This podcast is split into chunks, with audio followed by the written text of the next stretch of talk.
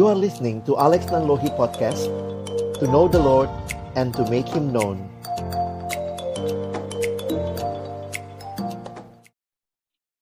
Shalom teman-teman sekalian, selamat siang. Kesempatan siang hari ini Saya bersyukur kepada Tuhan boleh membagikan materi ini kepada teman-teman. Dan saya lebih melihat secara urutan ya. Kalau bicara urutan saya lebih senang disebut LDS ya, love, lalu bicara dating dalam arti pacaran dan seks ya. Jangan baru love langsung seks terus nggak pacaran lagi gitu ya. Jadi sering kali uh, memang udah sering kita dengar LSD tapi saya coba mem mem membuatnya jadi LDS gitu ya, love, dating and sex. Nah, ini untuk mengingatkan kita bahwa sebenarnya hidup kekristenan kita adalah hidup yang juga Tuhan berikan relasi antar manusia termasuk di dalamnya teman hidup. Dan sebagai mahasiswa saya pikir ini waktu-waktunya juga di mana mungkin kalian mengalami perasaan uh, kedekatan dan kemudian banyak hal yang seperti itu.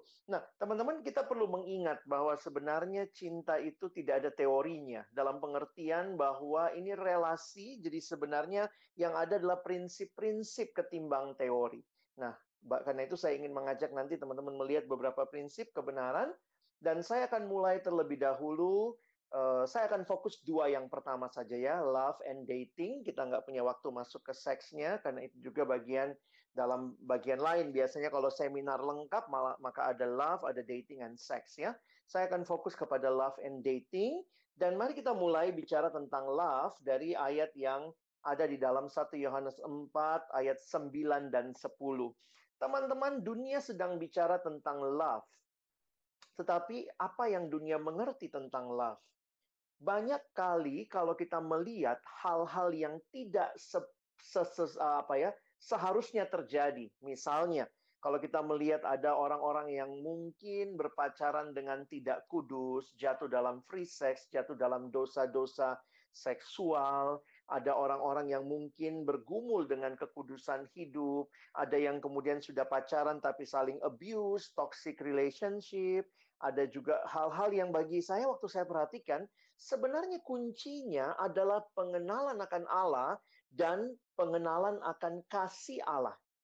Jadi sekali lagi, ketika kita melihat banyak hal dalam realita uh, apa ya dosa yang terjadi seputar relasi, Sebenarnya ini masalah utamanya adalah saya pikir pengenalan akan what is love. Nah, 1 Yohanes pasal yang keempat ayat 9 dan 10, saya langsung sudah tuliskan ayatnya di screen. Kita baca sama-sama gitu ya. Dalam hal inilah kasih Allah dinyatakan di tengah-tengah kita. Yaitu bahwa Allah telah mengutus anaknya yang tunggal ke dalam dunia supaya kita hidup olehnya. Inilah kasih itu bukan kita yang telah mengasihi Allah. Nah ini menarik ya bukan kita yang telah mengasihi Allah, tetapi Allah yang telah mengasihi kita dan yang telah mengutus anaknya sebagai pendamaian bagi dosa-dosa kita. Kalau kita mau belajar tentang love, maka tempat paling utama belajar tentang love, kalau kita melihat apa yang firman Tuhan sampaikan adalah belajarlah dari Allah. Because God is love, kasih itu dimulai oleh Allah, bukan kita yang mengasihi dia, tapi Allah yang terlebih dahulu mengasihi kita. Dan 1 Yohanes 4 ayat 16 mengatakan God is love. Sehingga kalau kita mau belajar tentang kasih, kita nggak belajar dari drama Korea, teman-teman ya. Kita belajarnya dari firman Tuhan, dari Allah. Dan menarik sekali, setiap kali kata kasih muncul di dalam Alkitab, secara khusus Alkitab Perjanjian Baru, nanti teman-teman perhatikan, khususnya dalam tulisannya Rasul Yohanes misalnya, baik di Injil maupun di surat, kita melihat setiap kali Alkitab bicara tentang love, maka Alkitab bicara dikaitkan dengan Allah memberikan anaknya. Jadi Allah tidak mengirimkan kepada kita definisi tentang kasih, tetapi hampir setiap kali perjanjian baru bicara tentang love, maka ini merujuk kepada apa yang Allah lakukan. Yaitu dia memberikan anaknya, dia mengaruniakan anaknya. Teman-teman coba lihat lagi ya. Coba misalnya kita perhatikan tadi ya. Kita balik ke sini nih. Lihat, dalam hal inilah kasih Allah dinyatakan di tengah-tengah kita. So, what is love? God's love. Yaitu bahwa Allah telah mengutus anaknya yang tunggal. Lihat ya, Jadi kasih dikaitkan dengan Allah mengutus anak yang tunggal. Perhatikan ayat 10. Bukan kita yang telah mengasihi Allah, tapi Allah yang telah mengasihi kita dan yang telah mengutus anaknya sebagai pendamaian bagi dosa-dosa kita. Jadi teman-teman bisa lihat, Alkitab tidak memberikan kita definisi kasih, tetapi Alkitab menunjuk kepada perbuatan kasih Allah. That is love. Demikian juga kalau kita ingat Yohanes 3:16 karena begitu besar kasih Allah akan dunia ini, what next? Ia telah mengaruniakan anaknya yang tunggal. Nah, jadi kalau kita mau mempelajari tentang Allah, eh, kasih, kita mesti melihat kepada Allah dan waktu kita melihat kepada Allah dikaitkan kepada tindakan Allah memberikan anaknya yang tunggal. Nah, diagram atau siluet ini menggambarkan uh, fase hidup Yesus. Nah, bagi saya yang menarik adalah di mana Yesus berkata sudah selesai. Dia berkata sudah selesai di kayu salib. Jadi menarik sekali, perhatikan Yohanes selalu menunjuk kepada lihat Allah menyerahkan anak yang tunggal, lihat Allah menyerahkan anak yang tunggal. Bukan berarti Rasul Yohanes tidak peduli dengan uh, kelahiran Yesus, dengan pengajaran Yesus, tetapi waktu bicara kasih, yang ditunjuk, yang dirujuk adalah Allah memberikan anaknya di kayu salib. Sehingga waktu engkau dan saya mau mengerti salib, apa sih artinya salib? Saya mengutip kalimat Billy Graham. Pendeta Billy Graham mengatakan Allah membuktikan kasihnya pada kayu salib ketika Kristus digantung, berdarah dan mati. Itulah saatnya Allah berkata kepada dunia, Aku mencintaimu. I love you. You want to know about love?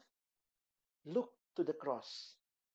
Sehingga kalimat yang menarik dari Billy uh, dari John Stott dalam satu tulisannya dia mengatakan if we are looking for a definition of love, we should look not in a dictionary but at Calvary.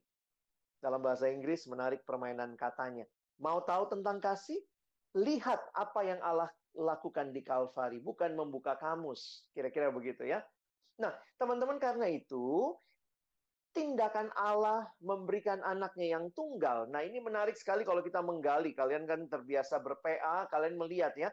Saya akan fokus dua ayat tadi. Coba lihat di ayat 9. Apa yang terjadi ketika Allah mengaruniakan anaknya yang tunggal? Maka yang menarik adalah ada manfaat, ada benefit yang diperoleh oleh kita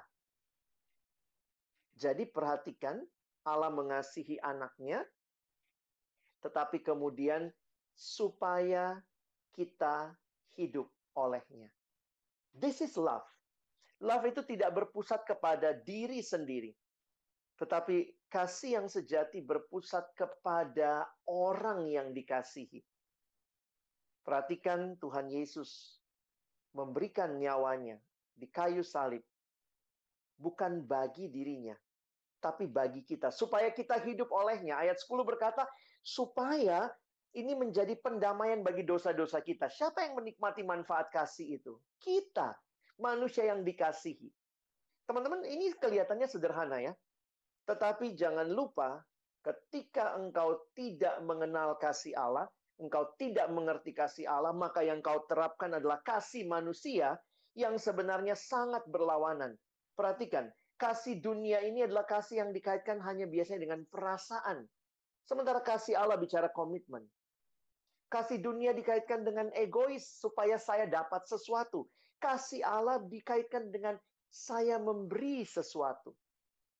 Jadi makanya kalau lihat bahasa Indonesia katanya bahasa yang paling jelas mendefinisikan atau menggambarkan kasih dari bahasa-bahasa yang lain gitu ya. Apa itu kasih? Kasih, ya kasih. Love is giving. Buat yang dikasihi. Love is not taking. If love is taking, taking, that is not love. That is rampoking, teman-teman ya. Jadi, waktu bicara kasih Allah, ini kasih yang giving. Lihat, kenapa banyak pacaran hancur? Hubungan seks sebelum menikah.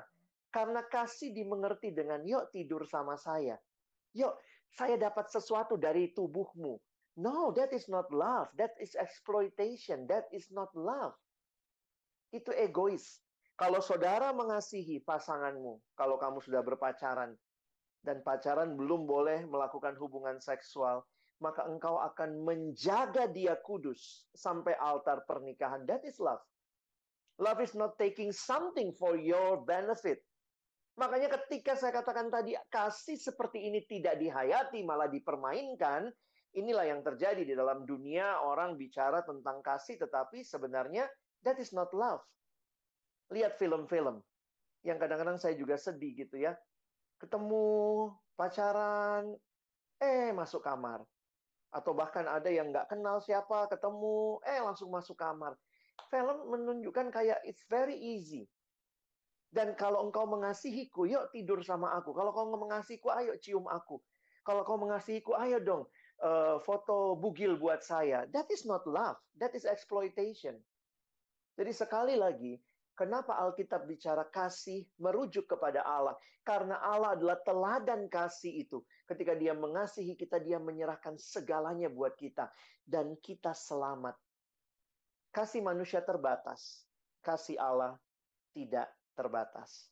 Nah, teman-teman, jadi saya harus katakan begini, makin kamu bertumbuh dewasa, kamu makin mengerti kasih. Kalau kamu mengerti kasih dan kamu siap berpacaran, itu indah sekali. Karena di dalam pacaran kamu tidak akan bertanya, boleh nggak ini, boleh nggak itu, saya mau ini dari dia, saya mau itu dari dia. Masa pacaran nggak pernah ciuman di ciumin dia sih? Akhirnya yang kita lakukan bukanlah sesuatu untuk memuaskan nafsu kita. Because you know what love is. And the love that has been shown to you is the love of God that give everything for the one whom he loved. Dia mengasihi kita, dia memberikan segalanya bagi kita. Kasih itu menjaga, memelihara yang dikasihi, bukan mengeksploitasi ya. Nah, karena itu dari titik inilah, maka kita harus bicara love dulu. Mau agak lama di sini nggak apa-apa lah ya daripada kita bicara pacaran. Tapi sebenarnya kalau pacaran kalian bisa lihat lah dari dari YouTube juga ada, dari mungkin um, apa podcast-podcast juga ada gitu ya. Tapi saya ingin mengatakan bahwa this love is the really basic things for Christian untuk masuk ke dalam dating ya. Nah, sekarang kita bicara pacaran nih. Kalau begitu, pacaran itu bagaimana? Nah, ya, ini sekedar uh, ini Abang masuk ke praktis ya. Jadi ini sebenarnya slide bersama dengan istri gitu ya. Beberapa kali kami diminta membawakan ini bersama jadi ada perspektif pria dan wanita. Nah, tapi coba lihat ya. Sekarang ini banyak sekali tren berpacaran. Misalnya ada yang merasa ya semua orang pacaran, malu dong kalau jomblo terus. Jadi pacaran demi status. Lumayan ada yang temenin ke mana-mana. Waduh, pelihara anjing aja kalau masalah ini gitu ya. Jangan pacaran kamu jadi anjingnya dia. Sorry ya, saya menggunakan istilah seperti itu. Karena banyak orang yang pacaran nggak jelas. Supaya ada teman aja jalan.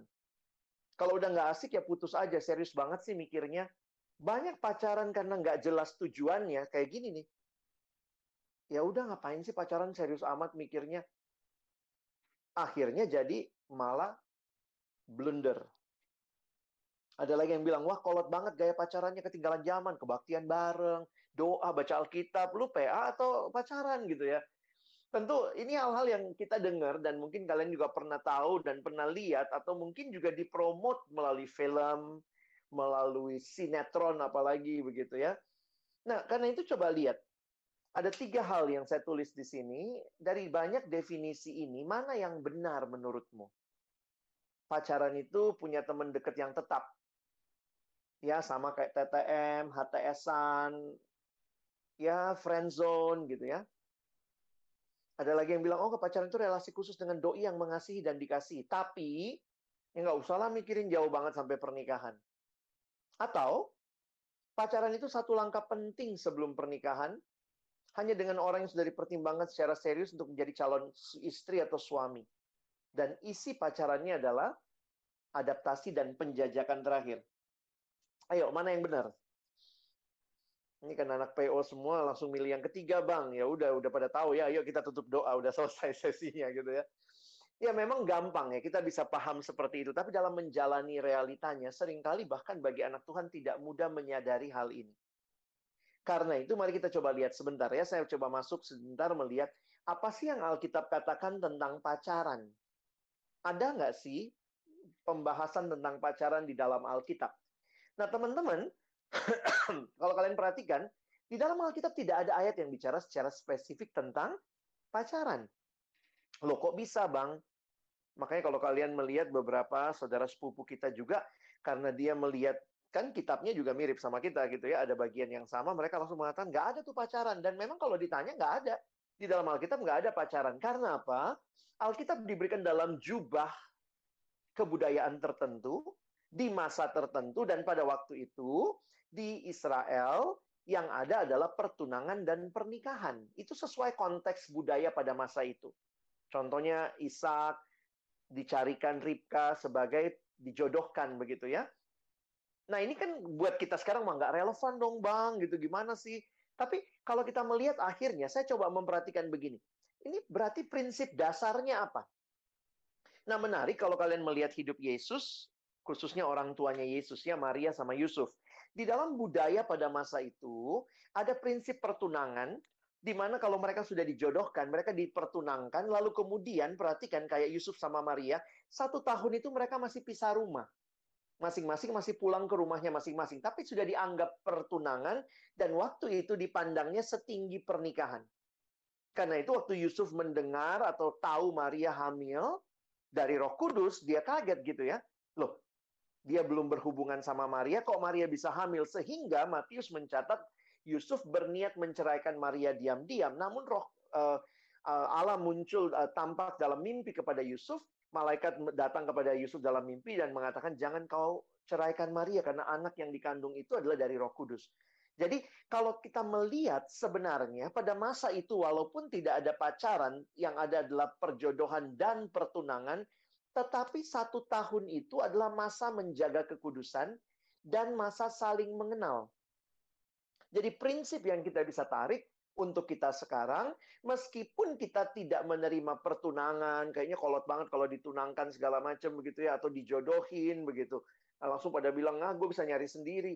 Tetapi yang saya mau garis bawahi, prinsip yang Alkitab bicara sebelum pernikahan, ada pengenalan, ada perkenalan, ada proses. Dan itu di dalam budaya pada waktu itu namanya pertunangan. Di dalam budaya kita sekarang namanya pacaran. Jadi sekali lagi teman-teman, pacaran sebenarnya bukanlah satu kesempatan untuk having fun, nikmati uh, tubuh tubuh pasangan kita, having sex. No. Itu masa saling mengenal dan di Alkitab bicara seperti itu. Nah, yang menarik adalah tujuannya. Ya, kalau teman-teman perhatikan, yang menarik adalah tujuan dari pacaran itu adalah pernikahan. Tujuan pertunangan itu adalah pernikahan. Nah, karena itu lihat prinsipnya ya.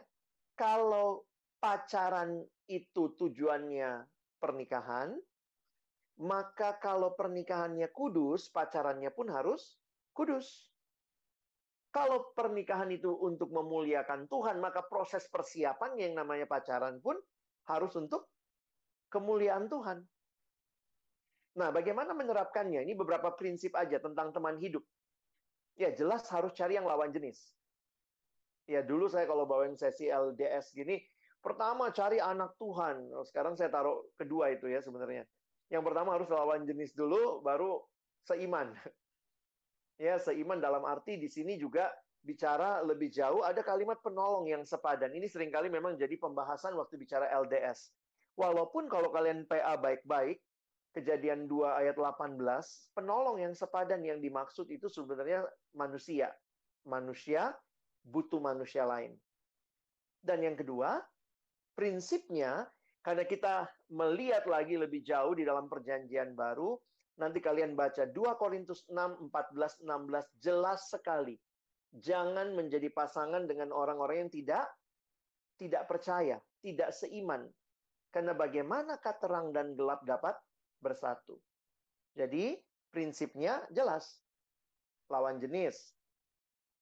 Seiman dalam arti dia jadi penolong yang sepadan dan sesama orang percaya. Nah, kenapa sih harus dipikirin serius? Karena ini dampaknya, teman-teman. Jangan pikir ini cuma dampak kalau saya pacaran itu ya udah dampak saya sama dia aja. Tapi memang tentu ada dampak pribadi. Pertanyaannya kamu makin bertumbuh nggak atau makin mundur secara rohani. Tapi dampak yang lain, lihat juga kamu jadi teladan atau malah jadi batu sandungan. Selalu ayat yang berkesan buat saya adalah 1 Korintus 10, 31 yang ditulis di bawah. Kalian bisa zoom ya kalau nggak kelihatan. Jika engkau makan dan jika engkau minum atau jika engkau melakukan sesuatu yang lain, lakukanlah semuanya untuk kemuliaan Allah. Kalau makan aja buat kemuliaan Allah, minum aja buat kemuliaan Allah, apalagi pacaran, gitu loh maksudnya ya. Jadi teman-teman, saya harus katakan seriuslah mikirin, ya. Nah, sekarang masuk nih, gimana sih rasa ketertarikan itu mulai ada? Kan itu perlu juga ya, Bang, untuk memilih teman hidup. Nah, ada psikolog bernama Adler, dia bilang e, ini sebenarnya umum ya di buku-buku yang lain juga ada bagaimana memilih teman hidup. Ya, jujur aja kita makhluk yang akan melihat begitu ya hal-hal yang muncul di depan mata appearance itu bagi kita penting, ya, cantik atau tampan, rapi dan lain sebagainya. Lalu juga yang biasa jadi pertimbangan itu similarities ada kesamaan-kesamaan. Sama-sama anak PO gitu ya. Sama-sama uh, ikut PJ gitu ya. Lalu complementary, mungkin juga dalam beberapa kesempatan ada yang pernah satu tim, ih, gue enak banget bang sama dia. Dia kalau gue ngomong begini nggak jelas, dia bisa jelasin gitu. Oh iya ya. Jadi ada saling melengkapi, ada compassion, ada yang tertarik melihat iya ya belas kasihan, ada ada ada hal yang yang berbeda begitu. Dan juga jangan lupa ada masalah proximity. Jadi teman-teman memang kalau orang bilang gitu ya, namanya cinta tuh dipupuk, emang mesti dipupuk. Makin sering ketemu, makin sering komunikasi, ya itu cara membangun cinta. Makanya saya ingat seorang abang pernah ngomong, jatuh cinta tuh gampang, Lex. Yang susah tuh bangun cinta. Wes. Jadi memang juga jadi unik ya, ketika banyak orang yang ikut KKN, misalnya keluar kota, dua minggu, satu bulan bersama, itu bisa loh beberapa terjadi cinta-cinta lokasi karena proximity. Sering ketemu satu lokasi, lihatnya dia lagi, dia lagi gitu. Makanya ya teman-teman mesti bisa memahami ya. Memang juga ini menolong kita juga untuk memilih kan akhirnya daripada kita cari yang jauh kita nggak kenal di mana ya lihat-lihat dulu yang deket sama kita proximity kita misalnya sesama teman di PO gitu ya pernah satu panitia mungkin, pernah satu kepengurusan, sama-sama PKK, sama-sama jemaat setia. Nah, itu itu proximity itu juga bisa menjadi awal untuk melihat itu. Tetapi teman-teman mesti perhatikan, ini umum kan? Orang-orang di luar sana juga begitu. Tetapi bagaimana buat kita anak Tuhan? Nah, saya coba tambahkan bagian ini. Nah, perhatikan aspek-aspek yang tadi itu bukan satu-satunya aspek, khususnya masalah perasaan. Betul, perlu perasaan, perlu perasaan. Tetapi bukan berarti perasaan itu penentu segalanya. Dalam pengertian apa? Seringkali perasaan sangat kuat nggak pakai akal sehat. Nah, ini juga menarik nih. Jadi makanya kalau orang nanya, buat abang sebenarnya gimana sih memilih teman hidup apa yang perlu ada? Gue tuh dapat chemistry-nya banget bang sama dia. Gue dapat banget gitu ya, kayaknya nyatu sama dia. Tapi mesti pakai akal sehat juga. Sejauh mana kamu kenal? Lalu kalau mungkin kamu belum terlalu kenal, cari pertimbangan dari penasehat yang bisa memberikan masukan. Jadi butuh orang lain, walaupun tetap kamu yang mutusin. Tapi mungkin bisa minta pertimbangan. Pertimbangkan pro kontranya. Jadi memang gitu ya, kalau perasaan sangat kuat, kadang-kadang, aduh, uh, sorry ya, kata orang, tai kambing pun rasa coklat gitu ya. Jadi ini ini jadi menarik nih. Lalu yang berikutnya, saya pikir juga bagaimana komunikasi dengan doi. Ingat loh, kita bukan cap cus milih barang, ini membangun relasi ya. Jadi ada yang perasaannya kuat banget, akal sehat dipakai, tapi saya nanya, kamu udah pernah ngobrol sama dia? Ada komunikasi? Nggak ada, Bang. Terus, gimana? Ya, suka aja, Bang, sama dia. Gue yakin dia dari Tuhan. Hmm? Pernah ngobrol? Pernah WA? Pernah ngajak mengajak apa? Ngajak makan siang bareng atau apa? Enggak, baru pengagum dari jauh. Jadi ini aspek-aspek yang perlu teman-teman lalui ya.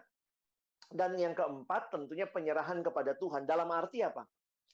Kadang-kadang perasaan kita kuat, akal sehat, komunikasi dengan doi, tapi jujur aja tahu-tahu bukan anak Tuhan, beda iman. Ini kan saya pikir makanya benar-benar nggak kita dipimpin Tuhan nih. Kalau dipimpin Tuhan maka bukti pimpinan Tuhan salah satunya adalah ketaatan. Taat pada apa? Pada firman. Tadi udah dibilang jangan jadi pasangan yang tidak seimbang. Jadi cari kehendak Tuhan secara lebih spesifik. Jadi teman-teman lihat ya, ini bukan cuma masalah perasaan memilih teman hidup, ya, tetapi masalah yang terkait dengan relasi komunikasi, menggunakan akal sehat. Beberapa orang dengan jelas waktu pacaran sudah KDRT, eh bukan baru kekerasan dalam KD, KDR, ke, ke, kekerasan dalam pacaran, KDP lah ya, belum rumah tangga.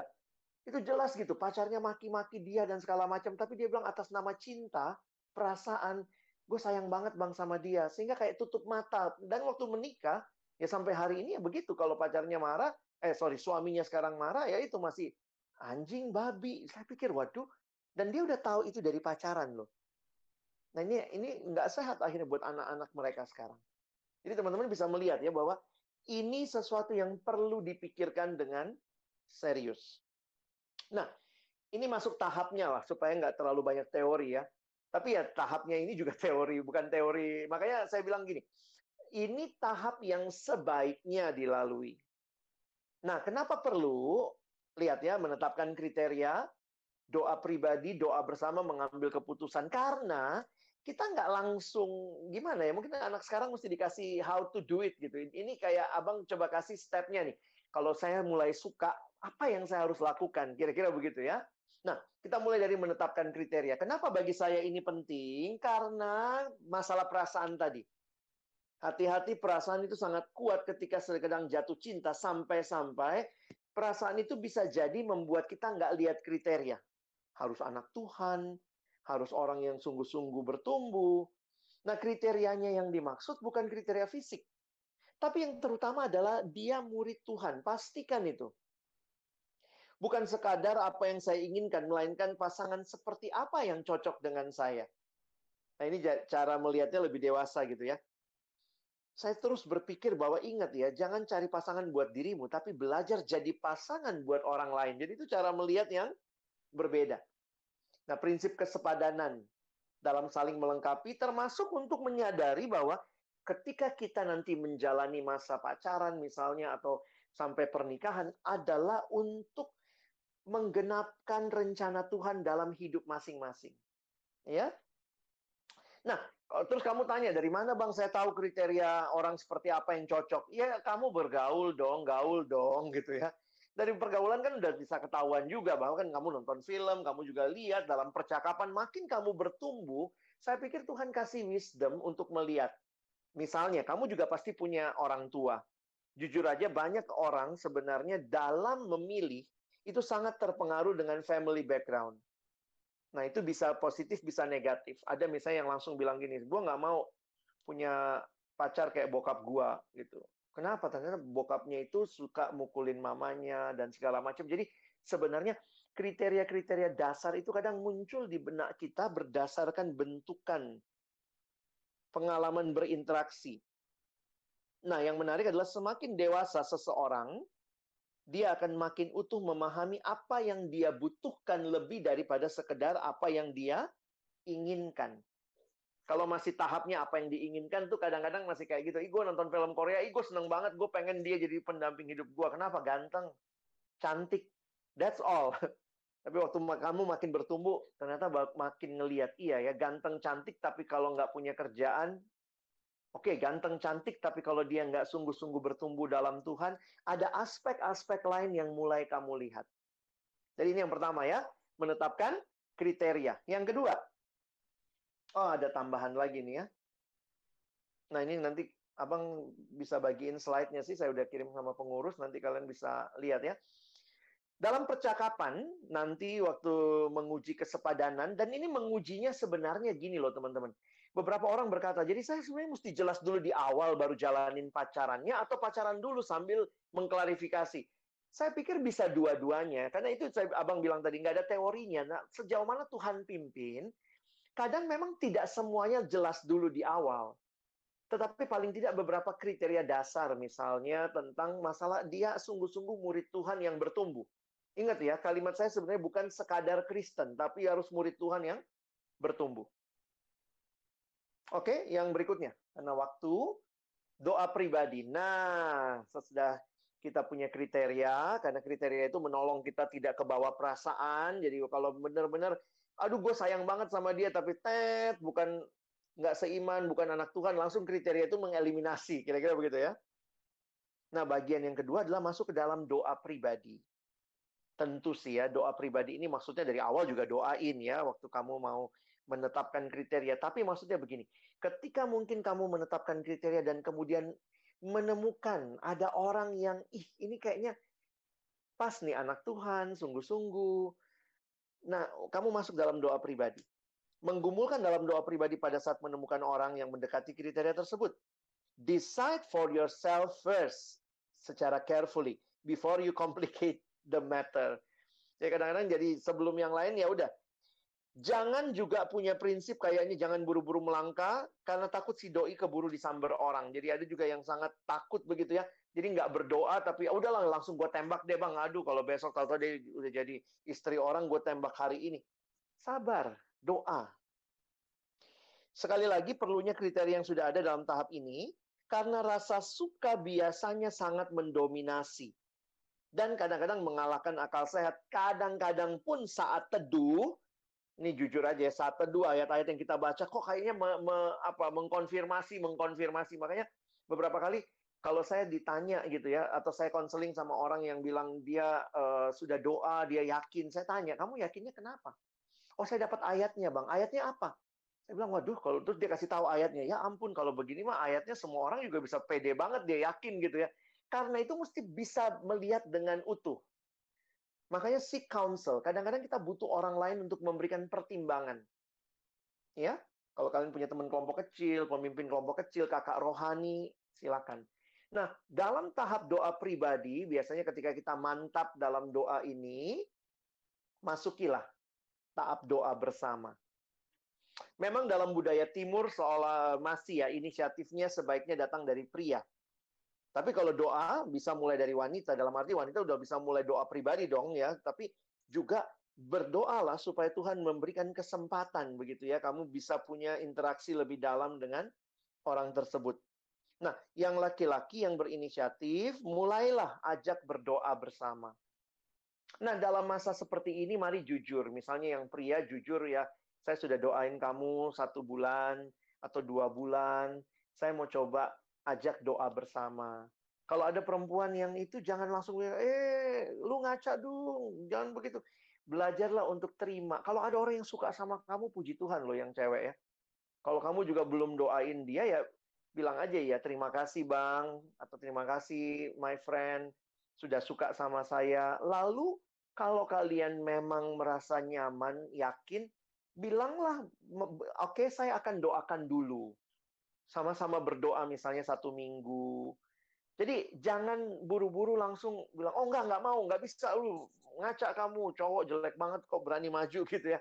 Saya pikir jangan sampai kita jadi orang yang mean, seolah-olah merasa bahwa, eh, karena apa ya, waktu kita terbuka dalam mendoakan, termasuk juga Tuhan akan memimpin kita. Itu juga jadi pengalaman buat teman-teman pengalaman berdoa bersama bagi saya itu juga menarik untuk kita pikirkan ya. Lalu apa yang di, perlu disepakati? Ini yang kadang-kadang saya lihat juga anak-anak PO ini terlalu tulus doa-doa-doa tapi nggak ada batas waktu ya. Jadi saya tanya, ya kamu, ya kami lagi doa bersama bang. Sampai kapan doanya? Nggak tahu bang. Lah, lu cowok kok nggak ngasih batas waktu?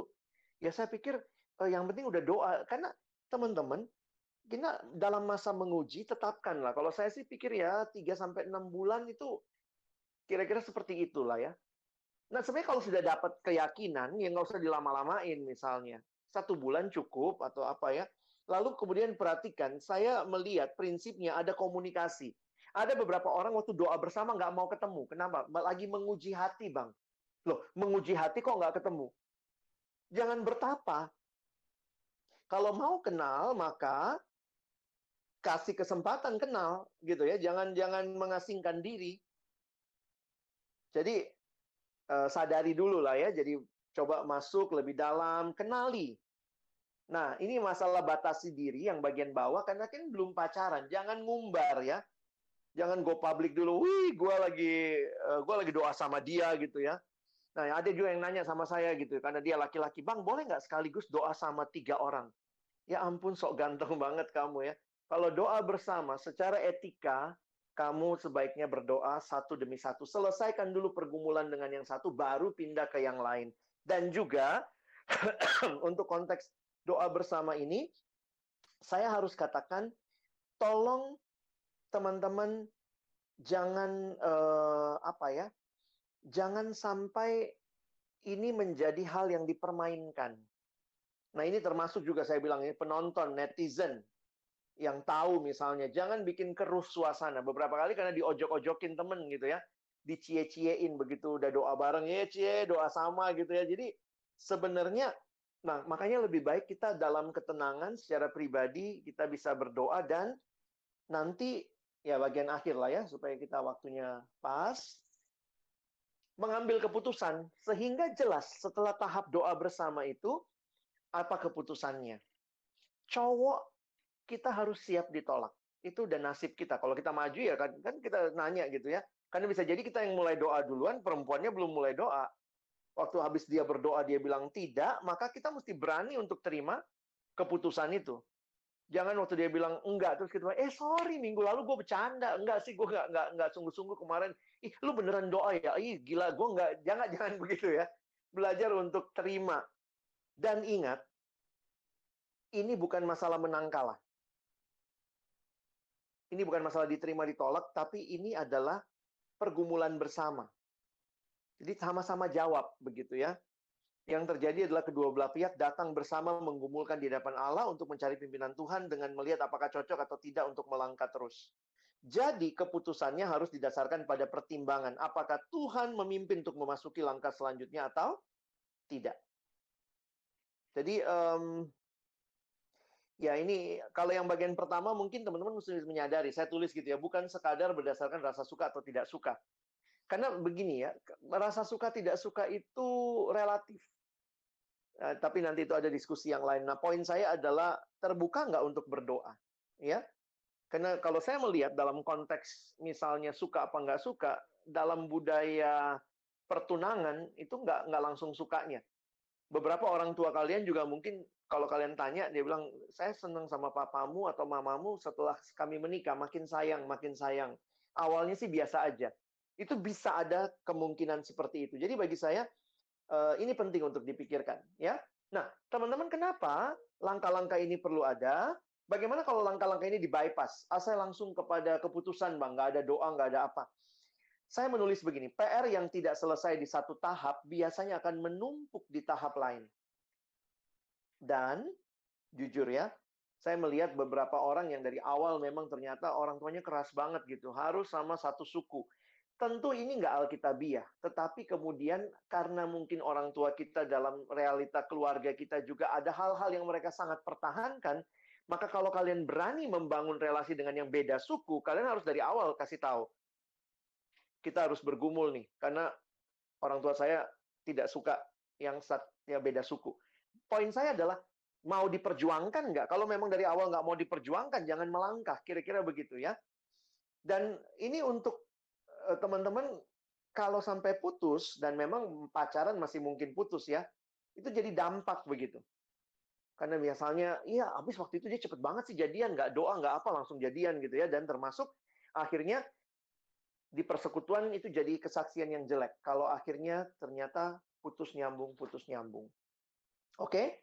Nah, sampai di sini saya akan berhenti dulu. Memasuki masa pacaran selalu jaga prinsip kekudusan, hati-hati batasi keintiman fisik karena itu bukan bagian yang harus kita nikmati dalam masa pacaran. Pacaran adalah masa penjajakan, pengenalan, lebih kenal satu sama lain dan isilah pacaranmu dengan hal-hal yang berguna yang bisa membangun kamu, membangun satu sama lain. Nah, saya langsung masuk ke yang terakhir, kapan mulai pacaran? Nah, ini ada yang nanya gitu. E, pacaran enaknya berapa lama sih, Bang? Ya terserah gitu ya. Kelamaan nggak baik, terlalu singkat ke kamu mau merit ya iya pacarannya kapan e, dua jam gitu ya enggak ya jadi terlalu singkat nggak baik terlalu lama juga nggak baik makanya saya sebenarnya memberikan opsi begini sebaiknya yang siap berpacaran itu di masa kuliah karena anggaplah ya kalau pacaran itu kira-kira baiknya 3 sampai 4 tahun. Terus tanya lagi, mau menikah umur berapa? Kalau kamu bilang, oh mau menikah umur 28 lah bang, kalau yang cowok, eh, ngumpul sinamot dulu bang. 28, 4 tahun berarti sekitar umur 24. Umur 24 mulailah pacaran. Kalau bisa lebih awal, oke okay, boleh juga gitu ya. Kamu kuliah misalnya selesai umur 22, 23, maka sebenarnya di masa kuliah kesempatan untuk mencari. Dan itu jauh lebih baik dengan tujuan yang jelas. Nah, karena itu saya buat anak siswa, saya nggak terlalu rekomen pacaran cepet-cepet.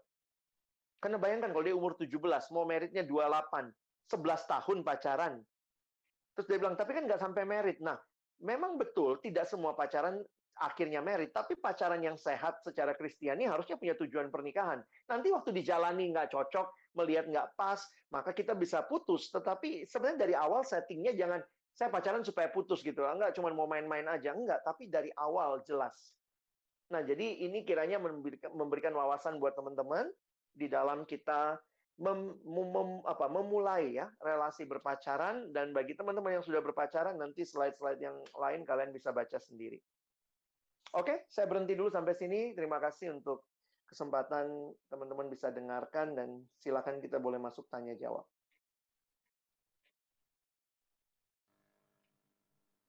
Iya, terima kasih Bang Alex untuk sharingnya. Nah, teman-teman, saat ini kita akan memasuki sesi tanya jawab. Teman-teman pengurus sudah menyediakan link untuk uh, bertanyanya di slide Nah, teman-teman boleh tanya di situ. Nah, kalau mungkin ada pertanyaan yang sama, teman-teman nggak perlu ulang, tapi di like aja. Nah, kita akan mulai uh, sesi tanya jawab kita kepada moderator Bang Deo dipersilakan. Terima kasih Doroti. Uh, apakah suaranya kedengaran? Dengar deh. Oke. Okay. Um, Shalom teman-teman, selamat siang. Perkenalkan uh, Deo akan memimpin uh, sesi Q&A yang teman-teman tadi pertanyaan sudah kumpulkan sama-sama di Slido. Uh, jadi kita mulai aja uh, sesi Q&A-nya. Uh, Bang Alex, ini ada pertanyaan mm -hmm. dari teman-teman. Ada yang nanya, Bang, ada stigma kalau dalam berpacaran yang harus berjuang adalah pihak laki-laki. Apakah ini hmm. sepenuhnya benar? Ya, se sebagaimana kata stigma, mungkin karena budaya kita di timur ya, jadi siapa yang memulai itu yang itu kita lihatnya kayaknya harus laki-laki gitu. Tetapi saya tidak tidak melihat itu saja karena tetap sih ya eh, dalam relasi sebenarnya dua-duanya harus berjuang. Nah, cuma bagaimana dua-duanya berjuang. Nah, saya juga melihat beberapa perempuan e, berdoa, cowoknya nggak tahu tuh.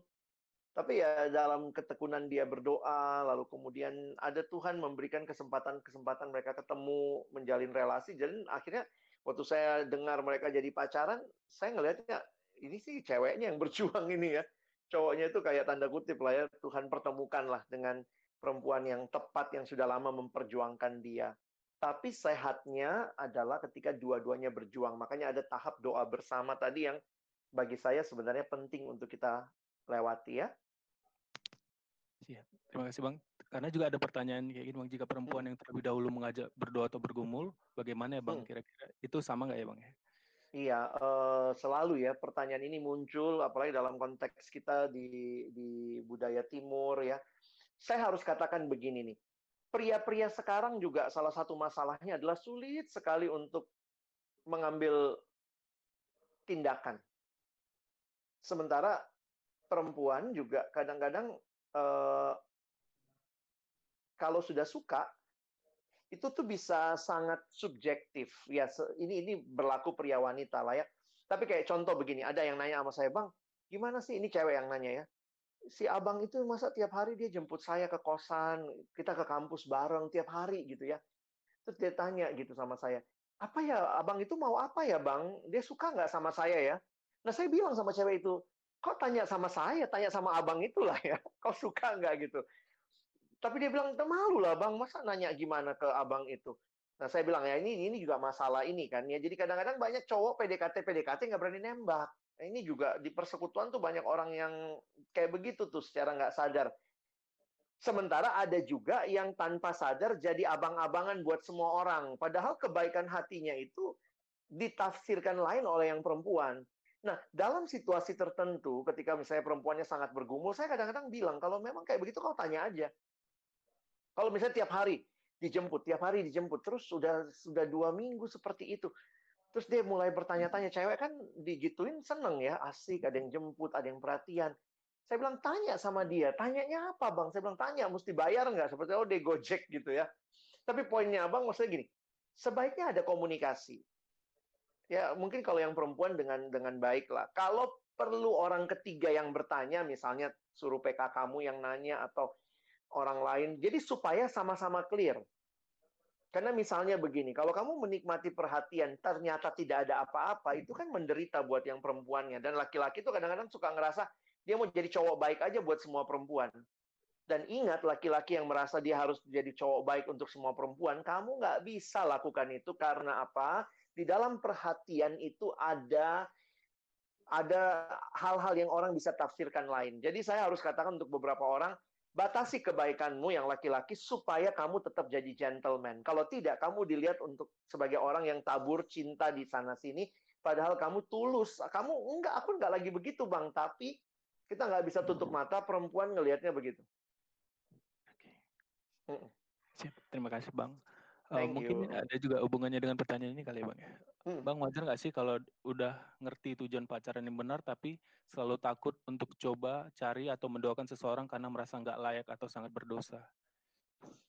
Ya, kalau kayak gitu melajang lah kau mungkin deh. Karena maksudnya, sorry ya, abang bawanya bercanda. Dalam arti gini loh, kita nggak ada yang sempurna. Makanya menarik sekali Timothy Keller mengatakan bahwa pernikahan itu adalah persatuan dua pribadi yang tidak sempurna, tetapi ditebus dalam Kristus. Nah, kalau kamu punya pengharapan bahwa di dalam Kristus ada pembaharuan, dan akhirnya kamu bisa melihat Tuhan bisa pakai pasanganmu untuk membangun hidupmu, membangun kerohanianmu.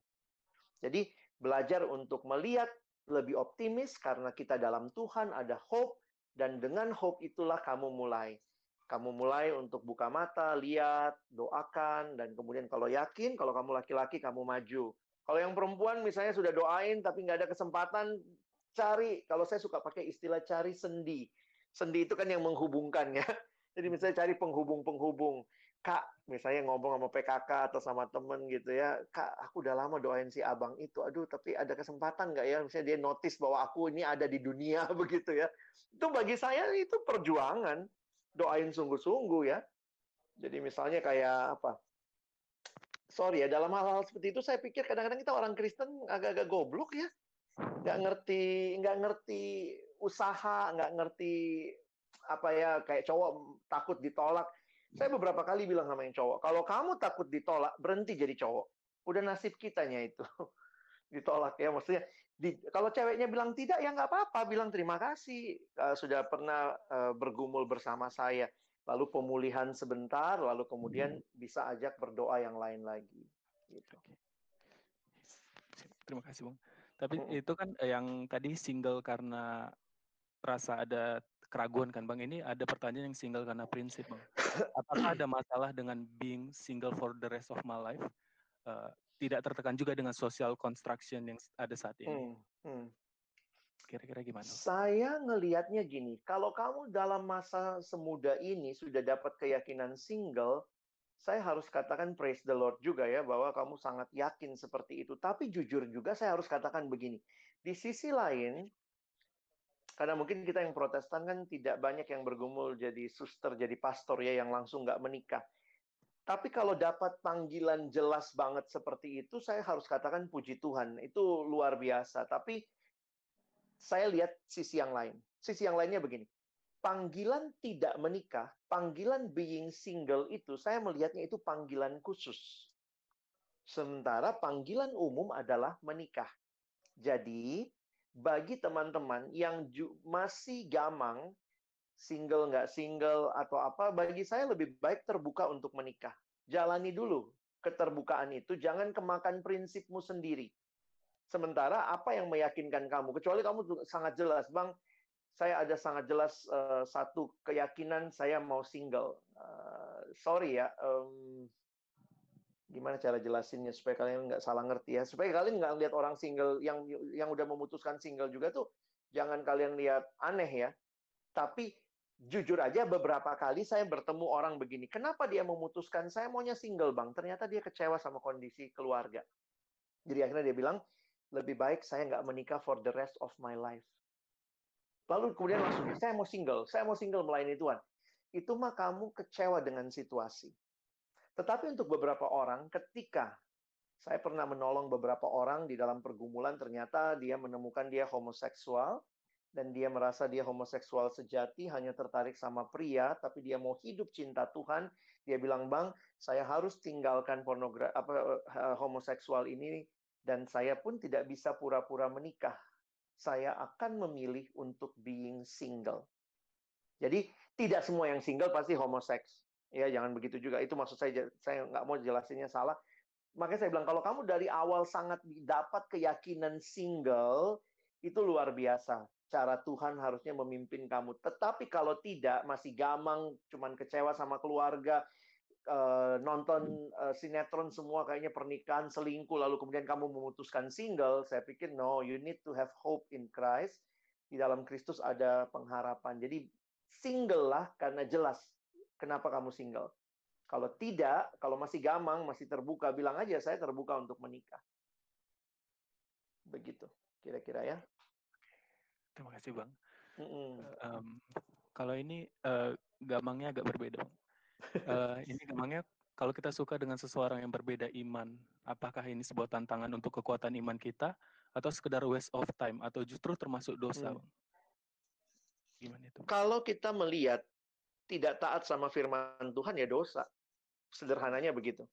Dosa lalu kemudian kita spend waktu di situ kita waste of time. Kalau saya sih sederhananya menjawab begitu. Bagaimana dengan orang-orang yang ada yang bilang gini, karena saya pernah juga ditanya begini, terus dia ngomong gini, papa mamaku beda iman loh bang. Justru karena mamaku setia, akhirnya kemudian papaku bertobat. Sekarang papaku majelis gereja. Nah, saya harus katakan begini, hati-hati dengan kasus. Jangan karena kasus, kasus-kasus tertentu. Nah, waktu saya tanya sama dia lebih jauh, saya bilang dulu waktu mamamu pacaran sama papamu, mamamu Kristen sungguh-sungguh nggak? Enggak juga sih, Bang. Oh, ya udah. Jadi sebenarnya mamamu memutuskan pacaran sama papamu dalam ketidaksungguhan dia. Itu pun salah, ya.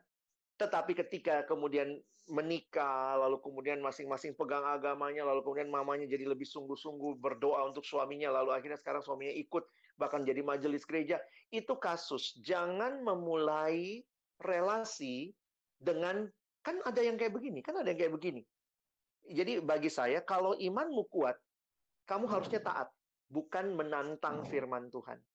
Ingat ya, saya ulangi ya. Bukti kekuatan iman bukan menantang firman Tuhan, tetapi taat pada firman Tuhan.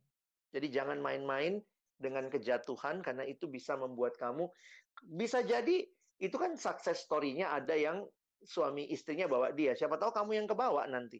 Jadi begitu lihat yang beda iman di dalam anugerah Tuhan, dalam anugerah Tuhan tutup mata, itu jangan main-main. Kalau saya prinsipnya begitu. Oke. Terima kasih Bang Alex. Mm -mm. Ini juga ada pertanyaan Bang. Um, mm -mm. Apa saja batasan-batasan dalam berpacaran apabila sudah melanggar batasan? Apakah itu termasuk toxic relationship yang harus diakhiri? Mm. Terima kasih Bang. Sebenarnya itu ada di slide saya tadi nggak sempat ya, tapi poin saya begini loh. Uh, batasannya sebenarnya kan kekudusan kebenaran sih. Kalau saya sih tetap melihat itu ya. Makanya buat beberapa teman yang sudah mulai pacaran, batasin gitu ya, misalnya apa apa fisik gitu ya, jangan jangan main-main gitu.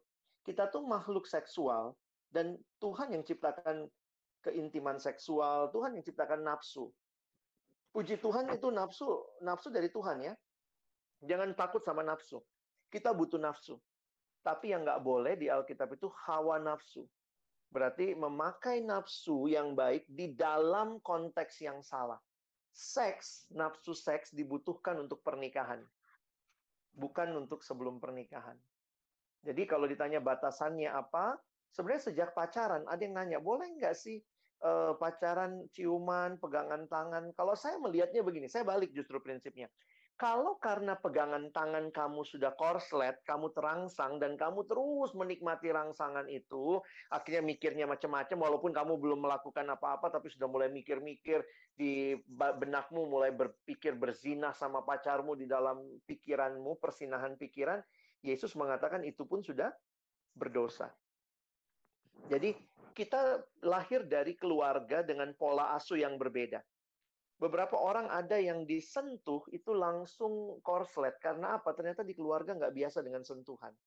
Sementara ada yang keluarganya sangat sering menyentuh, pelukan, ciuman, anaknya sering dicium papa mamanya. Jadi kita mesti kenali kelemahan kita karena batasannya itu adalah dalam diri kita nih. Jadi waktu itu saya juga bilang sama pacar saya, sekarang istri saya, saya bilang sama dia, Dek, Walaupun saya waktu pacaran saya udah hamba Tuhan ya, saya hamba Tuhan tapi saya punya nafsu. Jadi saya bilang nih sama istri saya jangan pegang-pegang ya. Maksudnya kan kadang-kadang cewek nggak sadar gelendotan, pegang-pegang kita gitu ya. Saya bilang jangan. Kenapa? Saya lemah. Jadi saya langsung kasih batasannya. Makanya dalam banyak hal kami sepakat misalnya selama pacaran kami nggak nonton. Iya kami pacaran tiga setengah tahun tuh nggak nonton. Mungkin orang bilang kolot banget sih pacarannya bang ngapain aja sih? Ya karena buat saya nonton itu saya wasting time ngelihat sesuatu sementara nggak ngobrol. Saya lebih seneng ngobrol waktu pacaran kami suka makan ngobrol gitu ya. Dan waktu gelap kadang-kadang tanpa sadar tuh kita pegang tangannya, kita remes-remes, kita pikir cucian gitu ya. Buat apaan gitu? Kadang-kadang itu membangkitkan nafsu sementara pada saat yang sama kita belum bisa ngapa-ngapain karena masih pacaran gitu. Jadi batasannya adalah kamu yang tahu. Kamu harus hati-hati beberapa orang misalnya juga bilang iya bang gue kadang-kadang lihat foto pacarku yang dia pakai baju begini begini. Tapi ya kalau kayak gitu hapus hapus foto pacarmu kalau itu ternyata membuat kamu jatuh dalam dosa ya. Jadi kita yang paling tahu. Hmm, thank you. Ya ini um, ada pertanyaan terakhir mungkin ya bang dari mm -hmm. ada kasus dari teman. Um, bagaimana dengan kasus mereka yang berasal dari keluarga yang broken home? Apakah ini mempengaruhi tentang konsep relasi ke depannya Apakah ada hubungannya hmm. dengan kasus toxic relationship? Apakah hmm. besar kemungkinan itu bisa terulang kembali pada relasi pribadinya? Oke. Okay. Di dalam psikologi, pola berulang itu selalu harus diwaspadai. Dan karena kita juga makhluk yang dibentuk dalam keluarga, salah satu bentukan yang paling kuat, maka pola berulang itu mungkin. Jadi saya harus katakan, kita harus sangat-sangat waspada bagi teman-teman dalam keluarga yang mungkin broken home, pernah ngelihat orang tua saling memukul, saling berantem, kata-kata yang kasar saling keluar, itu terekam. Nah, secara budaya apa ya di dalam di dalam relationship ke depan itu bisa jadi toxic. Misalnya tiba-tiba tuh bisa muncul kayak dia ngata-ngatain pasangannya. Kayak tadi ya yang saya bilang ada pasangannya tuh naik motor kemudian lupa helm. Terus kemudian dia langsung marah anjing lu babi gitu. Gitu tuh cara marahnya. Nah, ternyata itu dia dapat dari orang tuanya. Kalau marah selalu ada harapan di dalam Kristus yang membuat kita serusak apa pun tetap punya pengharapan untuk tidak jadi seperti kerusakan yang kita lihat dalam pola-pola yang ada sebelumnya. Nah, karena itu di dalam banyak hal juga uh, ketemu teman-teman yang ngalamin toxic relationship karena salah satu punya karakter yang terbentuk dari pola keluarga yang aneh atau broken, maka mereka harus ditolong di dalam konseling. Jadi jujur aja buat teman-teman yang mungkin sedang punya pergumulan atau ini yang tadi juga Abang bilang, beberapa orang yang karena lihat keluarganya sangat rusak lalu belajar teori, teori psikologi juga takutnya aku pun bisa merusak anak orang, nanti gue seperti papaku ke mamaku. Jadi takut pacaran, takut memulai relasi. Saya pikir kalian butuh konseling. Jangan berpikir konseling itu untuk orang yang sakit ya. Sebenarnya semua kita, semua yang pacaran sebaiknya ada konselornya. Konselor itu dalam arti ada orang abang kakak yang mendoakan kalian, yang berjalan bersama kalian. Dan itulah yang membuat saya dan istri juga punya pelayanan ketika kami akhirnya membentuk KTB dari couples-couples yang akan menikah.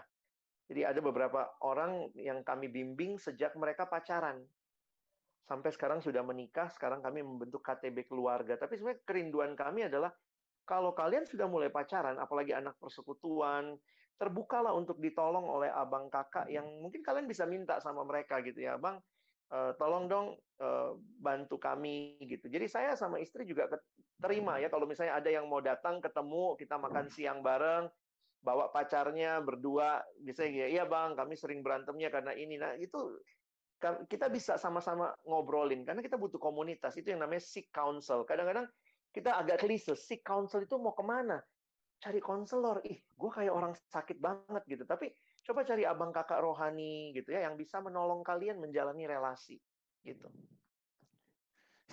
Terima kasih banyak Bang Alex uh, Sama-sama, untuk jawabannya.